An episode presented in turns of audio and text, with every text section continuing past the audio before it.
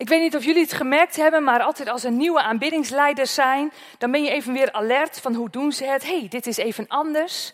En het zet je even weer op scherp. En het kan je aanspreken of iets minder, of je denkt, oh, ik heb liever Marion. Oh, maar hij mag wel eens vaker. Het, doet van alles met je. Het zet je aan het denken. En zo werkt dat tussen ons mensen, bij ons. Zo heeft God ons gemaakt in relatie tot elkaar. En we houden van het een en soms wat minder van het ander. En dat mag. Maar waar dat allemaal begint, dat is in de verbinding tussen ons hart en ons hoofd. En daar hebben we het vanmorgen over. Hoe werkt die verbinding tussen ons hoofd en ons hart? En als we kijken naar onze gedachten, ik las, dan las ik een heel mooi voorbeeld. Onze gedachten zijn soms als een vliegveld. Wij zitten in die verkeerstoren, die grote toren die midden op dat vliegveld staat en die ervoor zorgt dat de vliegtuigen binnenkomen en vertrekken. Ze hebben ontzettend veel uh, schermpjes daar en houden goed in, zicht wie er wel mag binnenkomen en wie niet. Dat dat niet tegelijkertijd gaat, dat er geen vliegtuigen tegelijkertijd uh, vertrekken, maar dat daar een goede balans in is. En zo is het ook met onze gedachten. Wij zitten in die verkeerstoren. Wij zijn de verkeersleider. Welk vliegtuig mag binnenkomen? Welk vliegtuig mag landen? En van welke zeg je, vlieg jij maar even door? Welk vliegtuig mag opstijgen en naar buiten komen? Of moet toch maar even binnen blijven? Jij bepaalt zelf en maakt de keus hoe jij met jouw vliegtuigen omgaat. Is het een Boeing 666? Dan laat je hem mooi even doorschieten. Die mag niet landen in onze, op onze vliegvelden. Maar is het een hele grote Air Force 777? Kom dan maar binnen en gooi die koffers maar op die rolbank. En hoe onze gedachten werken, dat is iets unieks. Daarin zijn wij onderscheiden van al het andere op deze aarde. Van de dieren, van de natuur. Zo heeft God ons bedacht. En zijn grote kracht wordt daarin zichtbaar. Maar het is soms wel een grote uitdaging. En die uitdaging van die gedachten, en daarna ook wat er dus uit je mond komt, hoe je spreekt vanuit die gedachten, dat begint bij je hart. Wat er in je hart leeft, heeft effect op je denken en heeft effect op je spreken. En ik wil jullie graag meenemen naar een Bijbeltekst uit Ezekiel, waarin God iets zegt over ons hart. Wat Hij wil doen met ons hart, iedere dag opnieuw. En ik vind het zo heerlijk als we dan aanbidden en God groot maken, dat daarin al bijna de hele preek verweven zit. Omdat, ja, alles wat wij doen, dat heeft met hetzelfde te maken. Gods naam groot maken. En dat is ook de reden waarom Hij ons steeds weer wil vernieuwen, iedere dag opnieuw. Zowel ons hart als ons denken, als ons spreken. Vernieuwing, elke dag weer. En die tekst in Ezekiel, die is dus door Ezekiel geschreven. En wat je even over Ezekiel moet weten, is dat hij een profeet is die geroepen is terwijl hij in ballingschap zat. Dus hij woonde niet meer in Israël. Hij zat, ik geloof iets van, eh, van duizend kilometer verderop in Babylon, in Babel. En daar riep God hem als profeet. En God sprak tot hem woorden over zijn thuisland, over Israël. En God gaf hem beelden die hij niet kon zien doordat hij, dus op de plek waar het over ging, daar was hij niet aanwezig. Hij kreeg visioenen en beelden die God hem gaf om hem, ja, en, en het volk dus, want hij mocht tot de andere mensen spreken die in ballingschap waren, die God hem gaf om ze te, te bemoedigen, dat er ook een einde kwam aan die periode. En waar we vaak zeggen, ja, dat was toen, dat is zo lang geleden, het zegt iets over het hart van God. Hoe God toen omging met het volk Israël, zo gaat Hij nog steeds met ons om. En het volk Israël had al een hele lange geschiedenis voordat ze in ballingschap gingen. Het volk Israël had van alles meegemaakt en iedere keer draaiden ze weer in diezelfde spiraal, bijna een neerwaartse spiraal. God gaf hun beloften. Ze zeiden yes. Toch waren de volken om hen heen, die brachten ook veel leuke dingen met zich mee. En ze dachten, wij willen net zoals zij zijn. En ze dwaalden af van God. God gaf een straf. En ze jammerden, nee heer, nee, dit willen we niet. Red ons alstublieft. God zorgde weer voor een oplossing. En ze wijden zich weer toe aan God en stonden weer te juichen voor hem. En toch werd het steeds, draaide het cirkeltje opnieuw. Het werd een neerwaartse spiraal en het ging van kwaad tot erger. En toen zei God, nu is het genoeg, jullie gaan in ballingschap. En we hebben, ik spreek hier ook vaak over, want ik merk steeds dat het bij mij ook terugkomt, omdat het zo'n duidelijk beeld is van hoe God met mensen omgaat en hoe zijn karakter is, wat hij zegt over zichzelf daardoorheen. En toen het volk in ballingschap was, begonnen de volken eromheen te zeggen: Moet je nou kijken wat een God. Nou zijn ze, heel, zijn ze uit hun eigen land getrokken en is er niks meer voor, van ze over. Hun land is weg, ze zijn versnipperd. Wat een God. En dat bracht God op iets anders, want toen kwamen ze aan zijn naam. En zijn naam is heilig. Zijn naam is de machtigste. En met zijn naam valt niet te spotten. Dus bracht hij Ezekiel, die riep hij. En hij zei, jij mag voor mijn naam opkomen. Want ik heb andere plannen met mijn volk. En ik wil dat de hele wereld het ziet en erkent dat ik God ben. Nou goed, een heel verhaal. Dat is het voorland van Ezekiel. Laten we Ezekiel 36 lezen. We hebben dus geen beamer, dus als je het op wilt zoeken of even op je telefoon in je app uh, op wilt zoeken, dan kan dat natuurlijk. Ezekiel 36, vanaf vers 22. En God zegt tegen Ezekiel, Ezekiel, zeg daarom tegen het volk van Israël, dit zegt God de Heer. Ik zal ingrijpen, volk van Israël, niet omwille van jou, maar omwille van mijn heilige naam, die je hebt ontwijd bij de volken waar je gekomen bent. Ik zal mijn grote naam, die door jullie bij die volken is ontwijd, weer aanzien verschaffen. Die volken zullen beseffen dat ik de Heer ben, spreekt God de Heer. Ik zal ze laten zien dat ik heilig ben. Ik leid jullie weg bij die volken. Ik breng jullie bijeen uit die landen en laat je naar je eigen land terugkeren. Een prachtige profetie die nog steeds geldt voor dat volk Israël. Ik zal zuiver water over jullie uitgieten om jullie te reinigen van alles wat onrein is, van al jullie afgoden. Ik zal jullie een nieuw hart en een nieuwe geest geven. Ik zal je versteende hart uit je lichaam halen en je er een levend hart voor in de plaats geven. Ik zal jullie mijn geest geven en zorgen dat jullie volgens mijn wetten leven en mijn regels in acht nemen. Jullie zullen in het land wonen dat ik aan je voorouders gegeven heb. Jullie zullen mijn volk zijn en ik zal jullie God zijn. Tot zover. Wat een prachtige beloften staan hierin, die God aan zijn volk geeft. En wat een prachtige beloftes geeft God ons daar ook in. Beloftes die hij misschien al aan het begin van je leven ook heeft uitgesproken en waar hij nog steeds voor staat. Ik zal jullie God zijn en jullie zullen mijn volk zijn. En even persoonlijk gemaakt, ik ben jouw God en jij bent mijn kind. Nooit zul je uit mijn hand vallen. En vooral die tekst vanaf vers 26. Ik zal jullie een nieuw hart en een nieuwe geest geven. Ik zal je versteende hart uit je lichaam halen en je er een levend hart voor in de plaats geven. Een versteend hart. Wat is dat? Heeft iemand misschien een idee? Wat, wat voor beeld heb je bij een, bij een versteend hart? Hoe ziet dat eruit?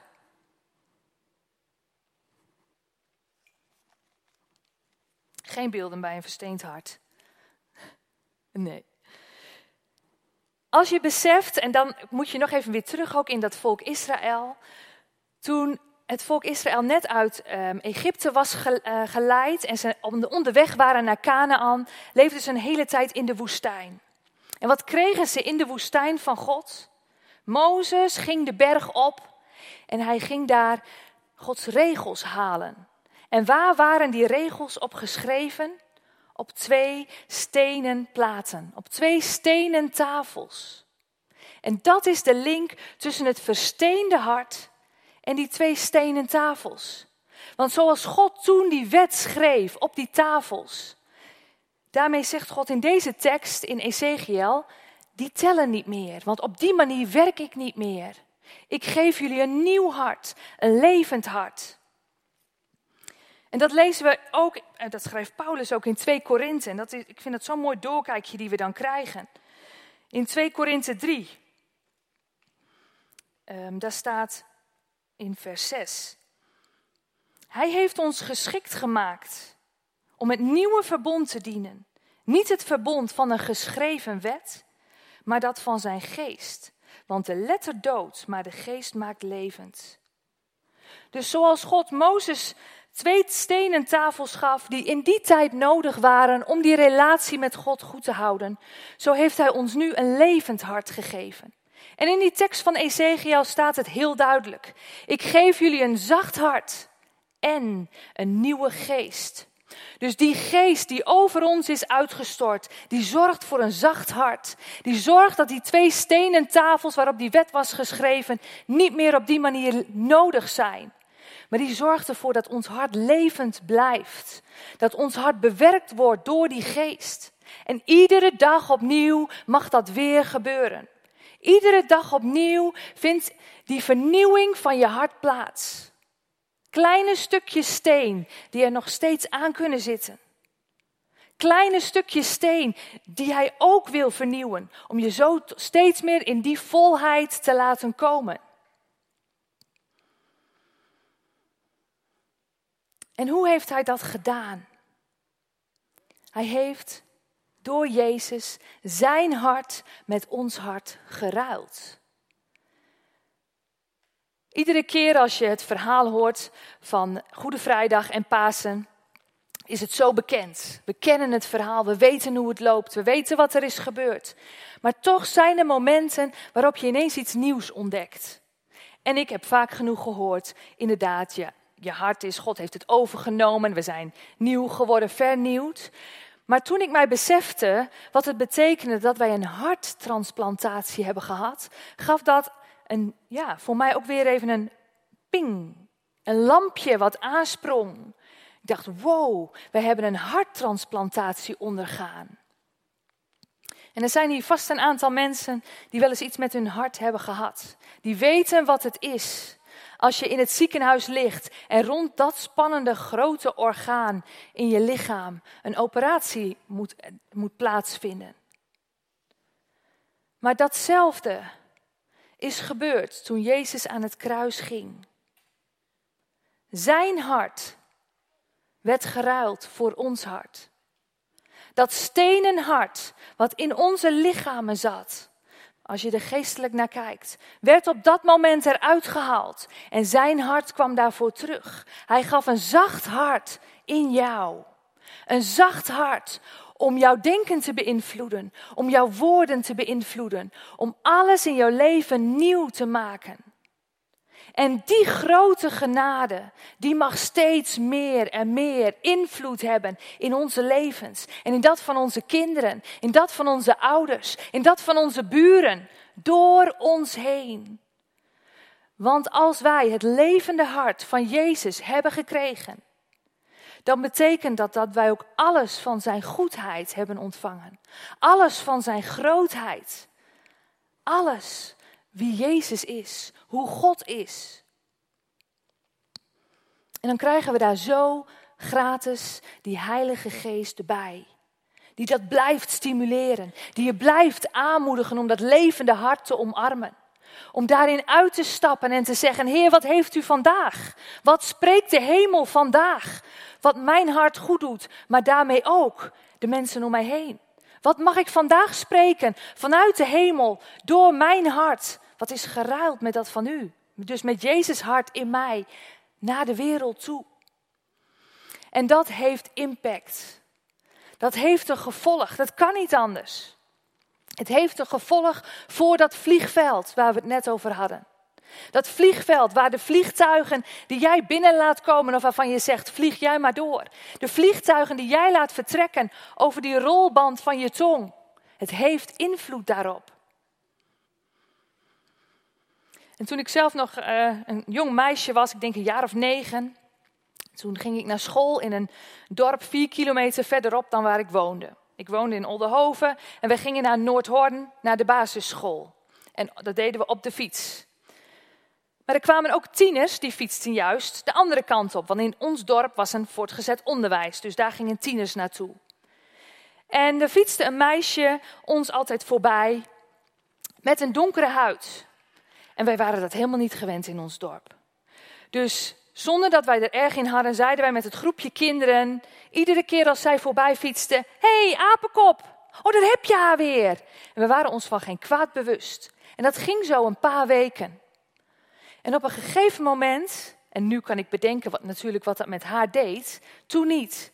Op een gegeven moment stopte ze ineens. En ze liep met grote passen naar mij toe. Ze pakte me bij mijn arm en ze zei: Nu is het klaar. Wil je daarmee stoppen? Je noemt mij geen apenkop. En ik schrok vreselijk. Ik dacht: Wow. Ik had niet door wat mijn woorden deden. Ik begreep niet wat ik zei. En zij stond op. En zij zei: Op mijn vliegveld komt dit vliegtuig niet meer binnen. Vlieg door. Ze zei niet erachter in de naam van Jezus, maar dat was wel wat er gebeurde op dat moment, want zij doorbrak iets. En ik schrok. Ik dacht, wow, wat heb ik gedaan? En ontredderd fietste ik door naar school. Smiddags praatte ik erover met mijn moeder. Die wist natuurlijk niet dat wij dat deden. Dus ze zei ook, nee Carlien, dat kan niet. Dat, en ze legde me uit wat dat betekende, wat dat met je deed. Wat dat met je kan doen. Als dat soort woorden over je worden uitgesproken. En in de weken erna was de relatie hersteld met haar. En iedere keer als ze weer langs ons fietste, dan klapten we even zo tegen elkaars handen aan. En was het weer oké. En ik haalde het niet meer in mijn hoofd om op die manier woorden uit te spreken tegen mensen. En dat is het. Vanuit dat nieuwe hart mogen wij staan in die overwinning. En die Heilige Geest die we daarbij zo erbij kregen, want in Ezekiel staat: je krijgt een nieuw hart en een nieuwe geest zal ik over je uitstorten. En die samen maken ons tot krachtige christenen in deze wereld, die ons denken vernieuwen mogen laten door Jezus. Door dat voorbeeld van het vliegtuig steeds opnieuw te gebruiken. En dan die rolband van die tong goed te gebruiken daarbij. Door ons bewust te zijn van wat we spreken. En die Heilige Geest, die heeft een taal gegeven waar wij ons volgens mij nooit voldoende van bewust zijn. Want die taal van troost en van bemoediging, van positieve woorden, die houdt nooit op. Die stopt never nooit. En daarmee zien we dat Gods koninkrijk een koninkrijk is van bemoedigen. Met een taal van bemoedigen. Maar de woorden die op je hart geschreven staan, die doen ertoe. Want de ruil is een hele mooie, uh, is een heel mooi idee waar wij heel veel mee kunnen. Maar het betekent nog niet dat ons denken en ons doen daarmee ook direct om is gedraaid. En ik heb daarvoor een, eh, een doosje meegenomen met uh, snoephartjes. Ik weet niet, misschien zou iemand het even uit willen delen. Erna, jij bent van de snoephartjes. Ja, je zag hem al aankomen. je bent in ieder geval van de hartjes, maar ook van de snoephartjes. En dit zijn hartjes waar woorden op staan geschreven. Dankjewel. Ja, deel maar uit. Ja. En zo zijn ook op ons eigen hart staan woorden geschreven. En het kunnen woorden zijn die al van heel vroeger erop staan. Woorden als, je broer kan veel beter leren dan jij. Nee, zij, nee, nee, nee, nee, dat wordt hem niet. Ik denk dat ze, nou misschien dat ze nog uh, in de schoonmaakploeg kan, uh, maar verder, nee, nee, het zit er niet in.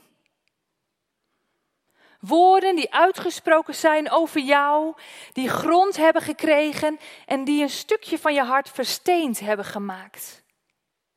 Stukjes van je hart die niet zacht lijken te worden. En die woorden, het is zo goed dat die in de, in de openbaarheid komen.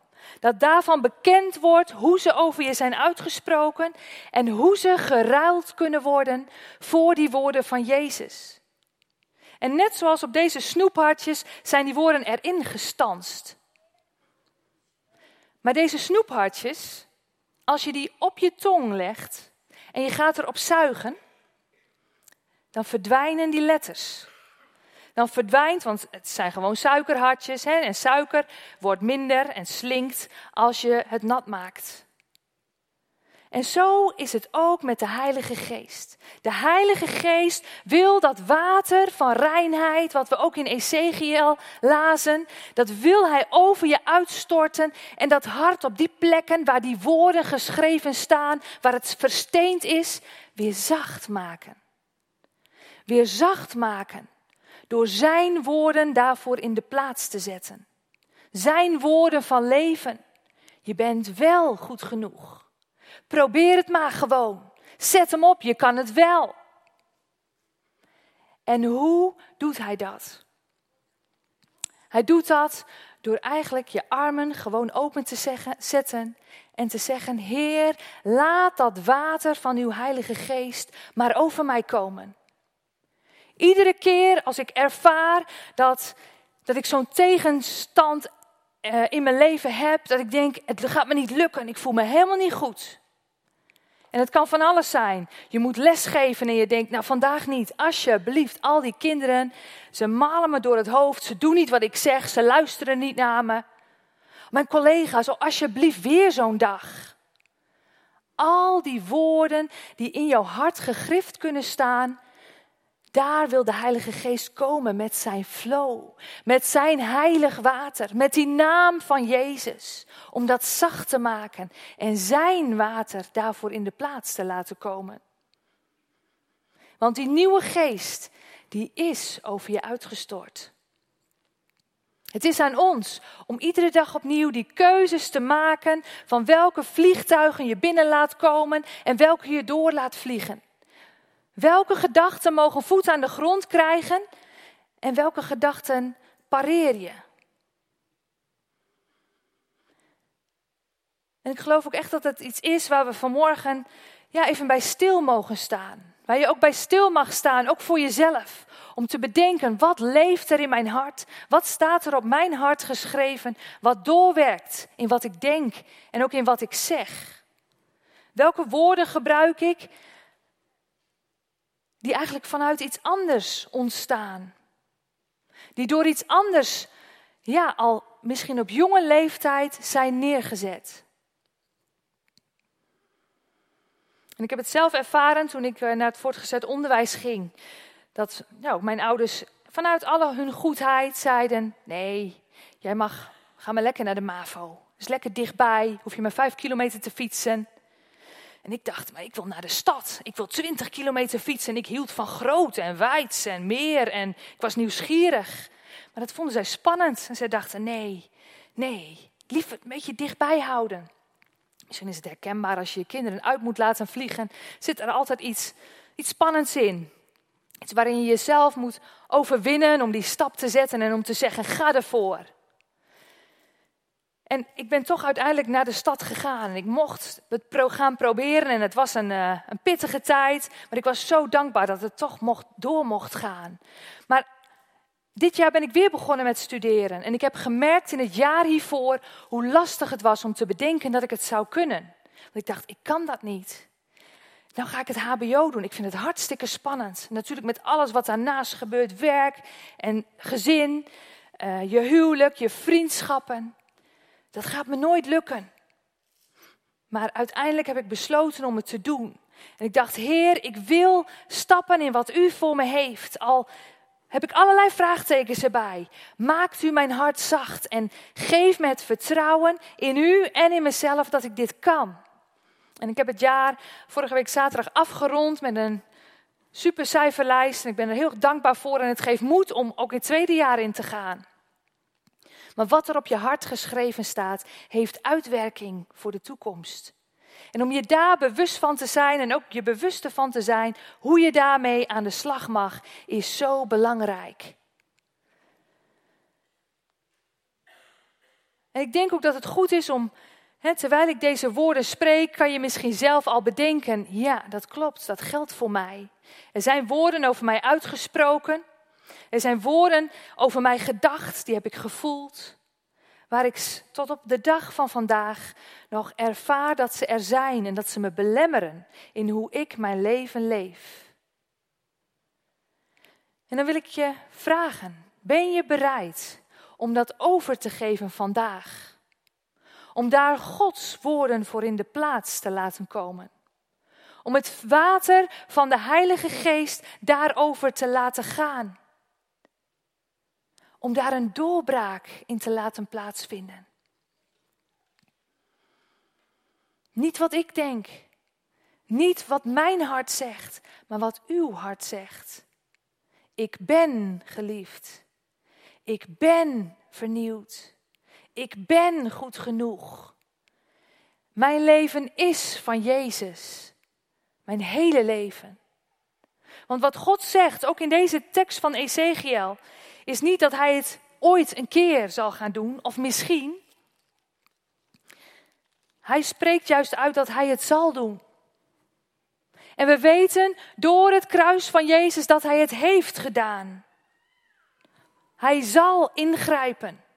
Zoals Hij voor Israël ingreep, zo zal Hij ook voor ons ingrijpen. Omwille van Zijn heilige naam. Wij zijn kinderen van die God, die heilige God, die Zijn naam over ons heeft uitgesproken. Hij zal ingrijpen in je leven. Hij wil niets liever dan jouw hart volledig zacht maken, om het te laten kloppen voor Hem. Om het te laten kloppen op die plekken waar jij staat. En daar zullen we vandaag, kunnen we daar een keer in aanbrengen. En als je dat wilt, leg dan gewoon je hand op je hart, ook op dit moment. Heer, maak mijn hart zacht, dat het volledig mag kloppen voor u en voor u alleen. Jezus, wat u heeft gedaan aan het kruis was een ruil. U heeft geruild daar met mijn hart. Alles wat er op mijn stenen hart leefde, heeft u eruit gehaald en heeft u overgenomen. En u heeft uw zachte, gevoelige, kwetsbare, kloppende hart in mij geplaatst. Heer, en als ik ja, nog niet altijd op die manier kan leven, Heer, dan is daar uw Heilige Geest. En uw Heilige Geest moedigt mij aan om al die stenen stukjes eruit te halen. Heer, en hier ben ik. En ik zeg vandaag tegen u: neem mij helemaal. Hier ben ik. Mijn stenen hart, of de steentjes, stenen stukjes die erin zitten, zijn van u. Maak ze zacht. En laat me weten wat de hemel ook vandaag voor mij heeft. Omwille van uw heilige naam. Zodat uw naam groot wordt gemaakt door mij heen zodat die harttransplantatie niet voor niks heeft plaatsgevonden, maar heeft plaatsgevonden om uw heilige naam, om u groot te maken, om u te laten zien aan de mensen om mij heen. Dank u wel dat door dat nieuwe hart en die nieuwe geest ik een nieuw denken heb ontvangen en een nieuw spreken. Dat wat er uit mijn mond komt, dat het in overeenstemming is met mijn denken en met mijn hartsgesteldheid. En Heilige Geest, u bent daarover de baas. U bent degene die dat helemaal mag hebben. Uw genade, Jezus, is genoeg. Ik hoef dat niet zelf te doen. Ik hoef niet zelf daar steeds zo hard in te vechten, zo hard in te proberen. Laat uw regen van reinheid over mij komen op dit moment. Uw regen van pure genade, van schoonheid. Uw regen, zo vanuit uw vaderhart.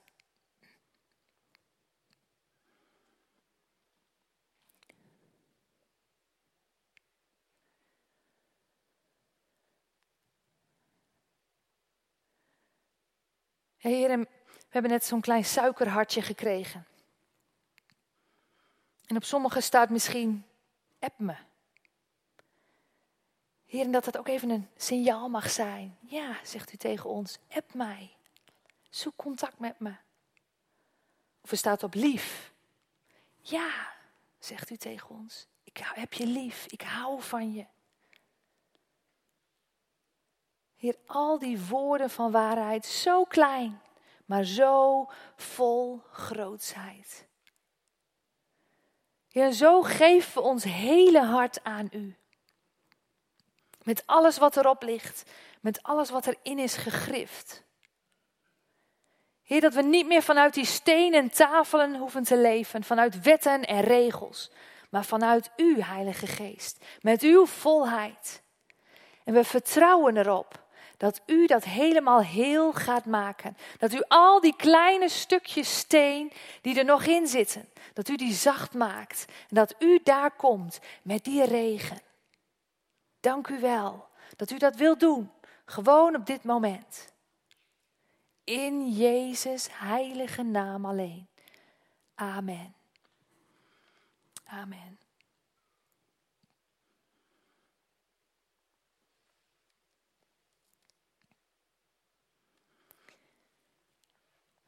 Psalm 42 staat er ook nog een mooi stukje over. Nee, Psalm 45 is dat. In mijn hart wellen de juiste woorden op.